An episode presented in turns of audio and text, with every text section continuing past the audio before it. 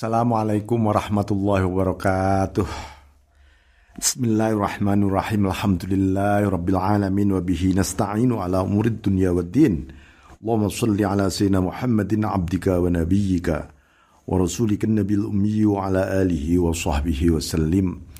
Tasliman biqadri azamati dzalika fi kulli waqtin wa hin amma ba'd. Ini diawali bab ini mengenai hijab sebenarnya ini penting untuk kita renungkan betul soal hijab ini. Jangan-jangan hidup kita ini uh, berada di balik tirai hijab yang kita kira telah terbuka hijab itu, lalu kita menganggap kegelapan sebagai kebenaran. Seperti yang sering diingatkan oleh Al-Quran. Ya. Jadi betapa banyak uh, orang yang menyangka dia hidup dalam alam kebenaran nggak taunya tersesat. Nah, itu Wala Rasulullah sallallahu alaihi wasallam sona i'ul ma'ruf taqiyu masari asu wa inna sadaqatas sir tudfi'u ghadabar rabb wa inna silatar rahimi tazidul umr wa tum wa fi al faqr perbuatan-perbuatan baik itu bisa melawan keburukan-keburukan. Jadi ketika orang itu habis berbuat baik biasanya insting naluri untuk berbuat jahat buruk itu hilang. Ya. Kepengen ngulangi dosa hilang. Gara-gara berbuat baik, melakukan kebaikan. Innal hasanat yudhibna sayiat kalau di Al-Quran. Kebaikan itu menghapus keburukan. Ya. Sedekah sir tudfi'u ghadabar Sedekah sir itu, sedekah rahasia itu. Yang bagaimana ya? Apakah ada sedekah yang rahasia? Apakah ketika bersedekah namanya cukup diberi nama hamba Allah itu disebut sedekah sir. Atau ketika memasukkan uang di dalam kotak masjid tangannya ditutupi supaya nggak ketahuan orang apa itu yang disebut sedekah sir. Atau dia bersedekah ketika sudah sunyi nggak ada siapa-siapa baru dia bersedekah kepada seseorang apa itu yang disebut sedekah sir bukan semua karena apa? Malaikat juga tahu Anda melakukan itu. Semut mungkin di dekat tempat itu tahu, apalagi Allah melihat mana yang disebut sedekah sir, sedekah rahasia. Sedekah rahasia itu adalah sedekah yang ikhlas. Itu loh. Diketahui banyak orang atau tidak, hatimu ikhlas apa enggak? Lillahi ta'ala apa enggak? Itu yang namanya sodakoh sir. Karena apa? Ikhlas itu tempatnya di sir, di batin Anda. Al-ikhlasu sirrun min sirri, kata Allah. Ikhlas itu adalah bagian dari rahasiaku yang aku titipkan kepada hati hambaku yang aku cintai. Nah, ya dan silaturahim itu menambah umur. Maksudnya apa? Orang yang rajin silaturahim itu akan dikenang panjang hidupnya. Karena dia sedang menjalin cinta kasih sayang. Dan menghapus kefakiran orang itu kalau rajin silaturahim nggak bakal miskin sebenarnya. Bukan kemudian rajin silaturahim untuk minta-minta, bukan. Silaturahim itu membuka banyak pintu rizki. Rizki yang bukan di situ, mungkin di tempat lain. Ada orang bekerja, kok enggak laba-laba ya. Ya silaturahim aja. insya Allah dibukakan pintu rizki. Ya. Jadi ini hadis ada makarimul akhlak, ada akhlak budi pekerti Nabi yang paripurna yang harus kita teladani. Bagaimana sang arif menanjakkan himmah hasratnya menuju kepada Tuhannya dengan hadis ini.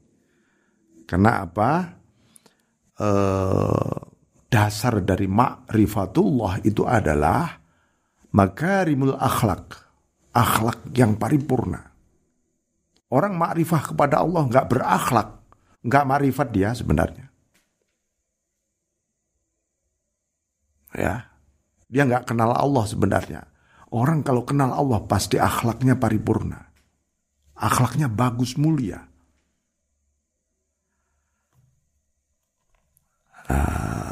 Nah, orang yang akhlaknya buruk kenapa? Karena disebutkan minin hijab sirri anillah karena batinnya terhijab dari Allah Subhanahu wa taala. Nah, itu. Jadi di Quran disebutkan kalla bal rona ala qulubihim, hatinya kotor dan ya sudah pokoknya hatinya terhijab itu sebenarnya.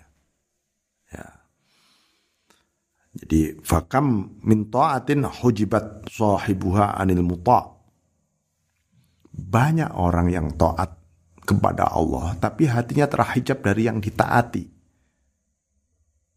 Taat tapi enggak memandang Anda misalnya datang di hadapan presiden tapi enggak melihat presiden, presiden ada di depan Anda. Kira-kira kayak begitulah.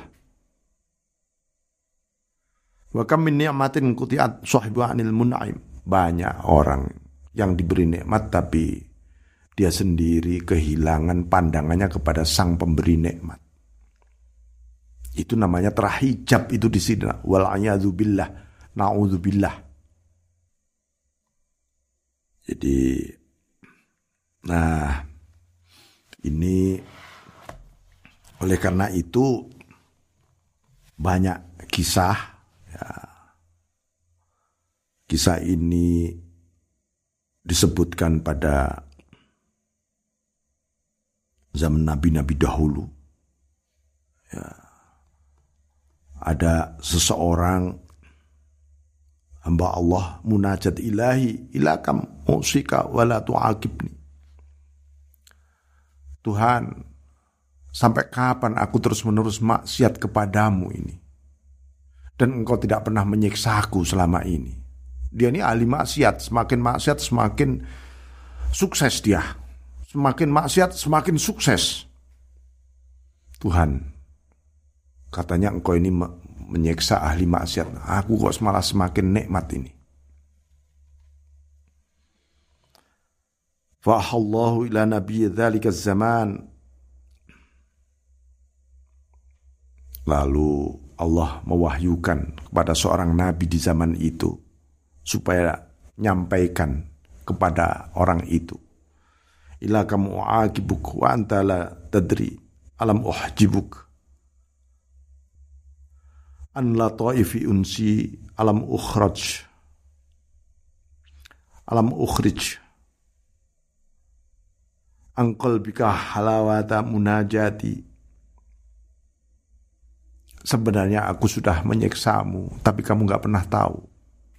Katakan kepadanya, aku sudah menghijab dia dari rasa mesra dengan aku.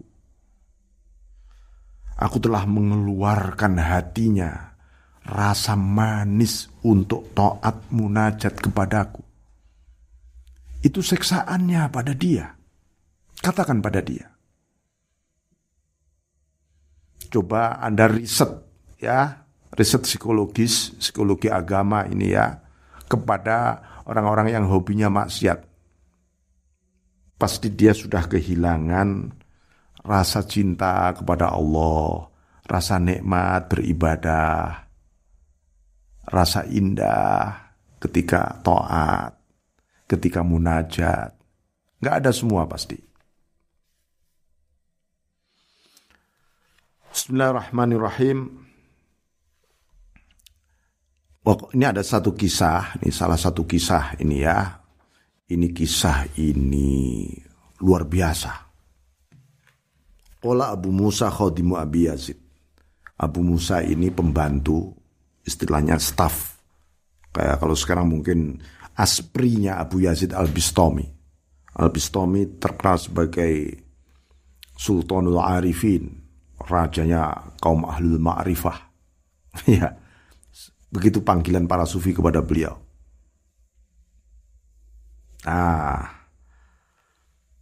Dakhala Syekh al-Madinah fataba'u khalqun kathirah falamma nadhara Abu Yazid ilahim wa ila wa lazdihamihim nahwa qala Allahumma inni a'udzu bika min an tuhjibani anka bihim wa a'udzu bika an tuhjibahum anka bi Jadi Abu Yazid itu datang uh, ke suatu kota, ya suatu kota, lalu tiba-tiba di belakangnya banyak gemeruduk jamaah yang mengikuti beliau. Banyak sekali. Karena dengar Abu Yazid datang ke kota itu. Lalu Abu Yazid melihat mereka, ya Allah, ratusan ribu ini yang datang. Dan mereka berjejal-jejal menuju kepada Abu Yazid. Nah kira-kira ada seorang tokoh ya mungkin kiai hebat atau yang dikenal arif mungkin datang ke ibu kota. Uh, banyak yang datang. Apa yang diucapkan oleh Abu Yazid ketika melihat itu? Allahumma inni a'udzubika min an tuhjibani angka bihim. Ya Allah, mohon perlindungan kepadamu agar mereka tidak menghijab diriku denganmu ya Tuhan. Jangan sampai gara-gara dukungan besar masa mungkin masa ini minta berkah, minta doa, bagus tujuannya. Tapi bagi Abu Yazid ini bisa mengancamku, mengancam jiwaku. Ini bisa membuat aku terhijab darimu Tuhan. Wa'udzubika antuhjibahum antuhajibahum angka antuhjibahum angka bi ya Allah ini lagi jangan jangan sampai Tuhan bukan jangan jangan ya Allah jangan sampai mereka terhijab darimu gara-gara aku. Bisa jadi. Ya, kita lihat tokoh, tokoh itu mungkin terkenal wali. Wah, kita ketika kita datang, nggak tanya ketika kita mau mendatangi si tokoh itu kehilangan Allah kita. Yang kelihatan hanya wali itu. Gimana, ayo? Jangan sampai seperti itu Tuhan.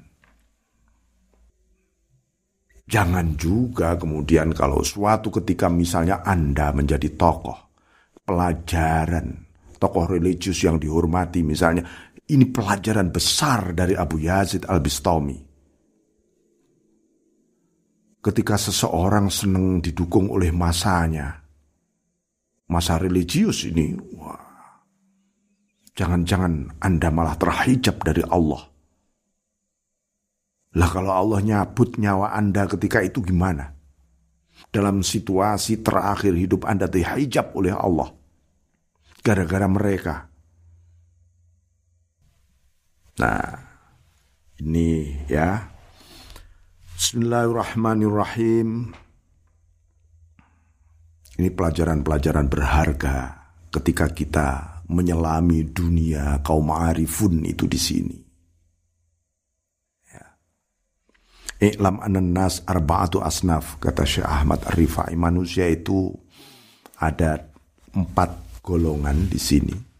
Rajulun ja'alallahu qalbuhu basiran yanzuru binuril yakin la taf la taifi sunnaihi wa kamali kudratih. Ada orang itu yang hatinya memandang terang. Mata hatinya terang. Lalu dia memandang apa saja dengan binuril yakin cahaya yakin dari Allah kepada seluruh detil-detil ciptaan Allah ada cahaya tetap. Dan dia memandang semuanya adalah kamalul kudroh.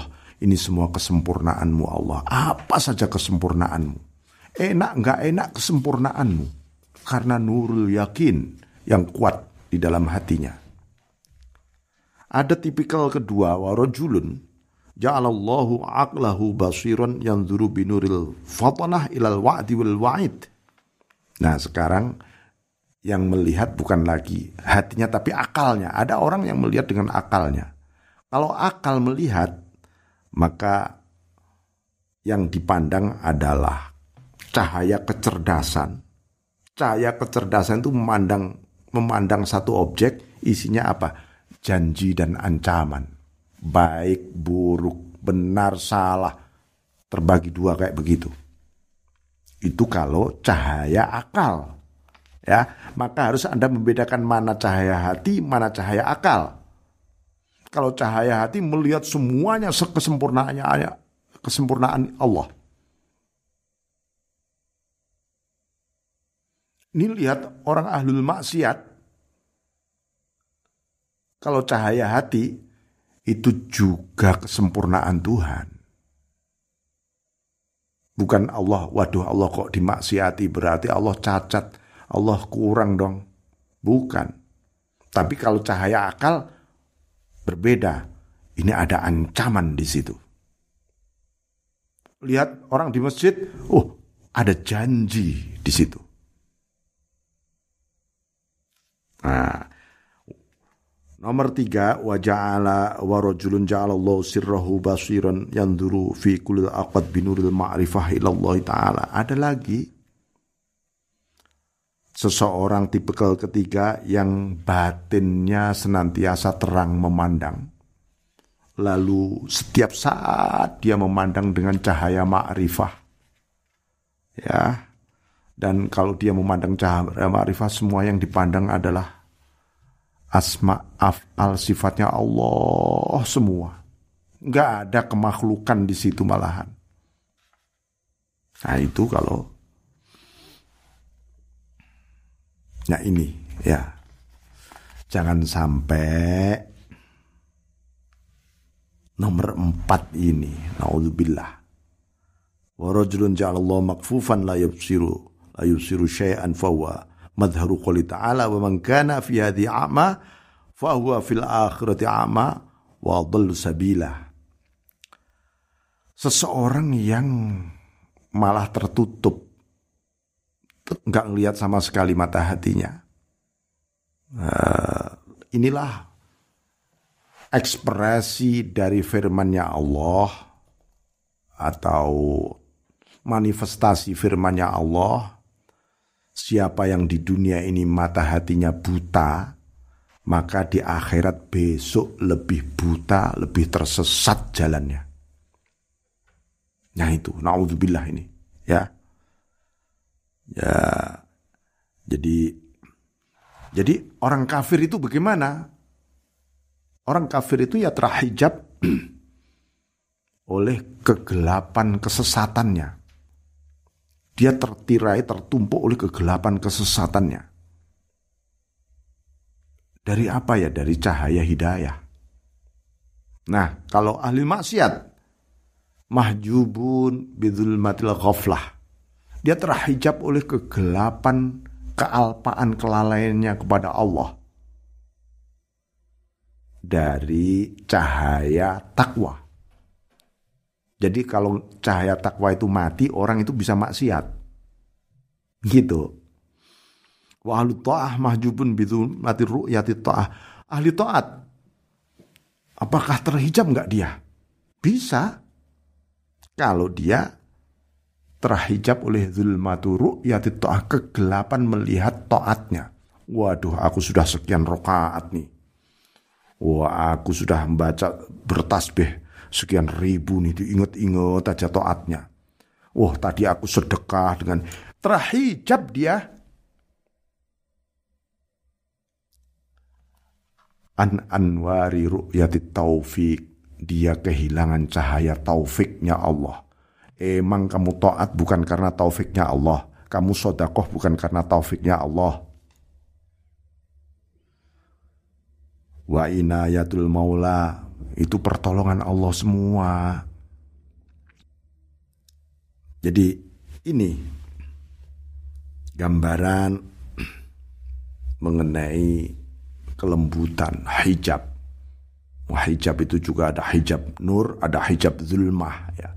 Hijab cahaya itu kelihatannya amal baik, ahli zikir, baca Quran, mungkin ada yang hafal Quran, aduh, nggak taunya terhijab. Terhijab. Wah, itu mengerikan, mengerikan. Hijab cahaya itu mengerikan. Ya. Bismillahirrahmanirrahim. Maka Abu Bakar menyebutkan Allahumma inni a'udzubika minasyirkil khafi. Ya Allah, aku mohon perlindungan kepadamu dari musyrik khafi. Musyrik yang tersembunyi di sini. Aku pikir aku ini ahli ibadah, aku ini bertauhid. Gak taunya banyak musyrik di sini. Mohon perlindungan kepadamu Allah. Ya, maka seseorang itu bisa terhijab ahli ibadah pun nikmat banget asik. Dia kehilangan makbud kehilangan yang diibadai yang disembah. Dia asik dengan nikmatnya ibadah ini juga hijab. Orang ma'rifah dibukakan cahaya ma'rifah tenggelam dia di sana. Dunal ma'ruf kehilangan yang dimakrifati Allah terhijab dia. Bismillahirrahmanirrahim. Jadi hati-hati uh, maka Nasad mengatakan rahimallah Nasad rahimallah man ra'a nafsahu inda ta'ah lam yatakhallas minal ujub. Orang yang masih melihat dirinya peran dirinya di dalam taat kebaikan, macam-macam, masih melihat peran dirinya, dia tidak akan pernah bersih dari hijab. Ya. Man ra'al khalqal yang lam yatakhallas minar apalagi masih terbayang makhluk dia belum pernah bersih dari riak. Masih ada unsur-unsur ben diarani biar disebut, biar ini, biar itu. Aduh, pasti masih ada riak itu. Man ra'at thawab, man ra'at to'ah, eh, to'ah lam yatakhalas minal ghurur. Siapa yang senang melihat to'atnya, makanya jangan pernah mengingat-ingat to'at Anda. Habis to'at berbuat baik itu lupakan. Sebab kalau masih ingat-ingat Anda bisa terpedala, terpedaya lam yatakhalas minal gurur. Anda nggak akan pernah sunyi, nggak akan bersih dari tipu daya nanti. Di balik taat. Man thawab lam yatakhalas minal hijab. Siapa yang masih lihat pahala. Wah aku dapat pahala sekian, anu sekian. Terhijab loh. Sebenarnya orang itu.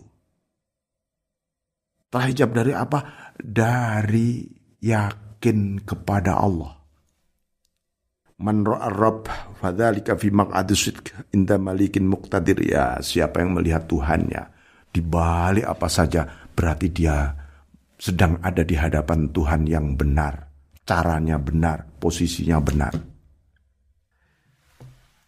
Jadi ya gampangnya sebenarnya begini seperti yang disebutkan Qala Bak Qala Bakr bin Abdullah rahimallahu taala man bit taraifil hikmah wa daqaiqiha. Sora mahjuban an haqaiqiha.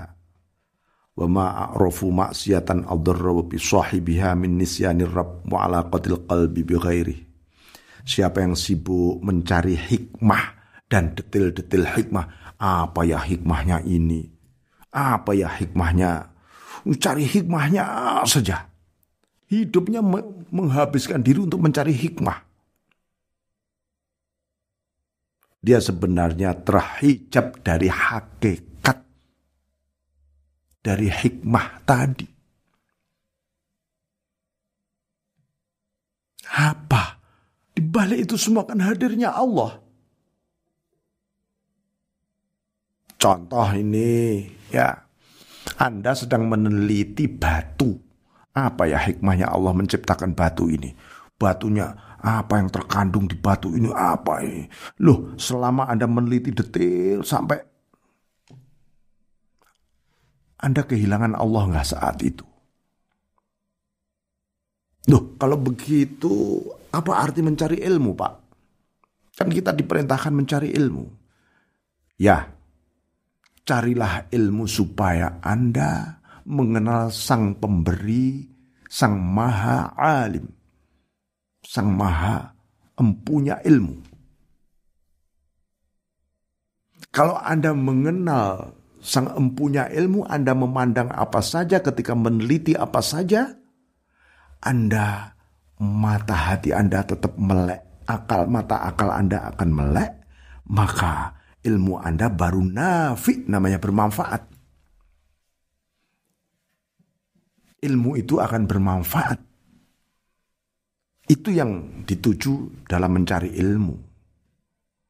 Jangan sampai kita mencari ilmu kehilangan sang al-alim, Allah yang maha mengetahui. Anda tahu gelas di depan Anda, padahal Allah lebih dulu tahu dibanding pengetahuan Anda tentang gelas.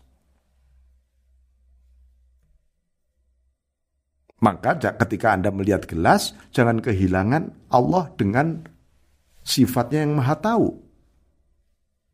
Anda tetap sadar dengan hadirnya Allah. Nah, itu.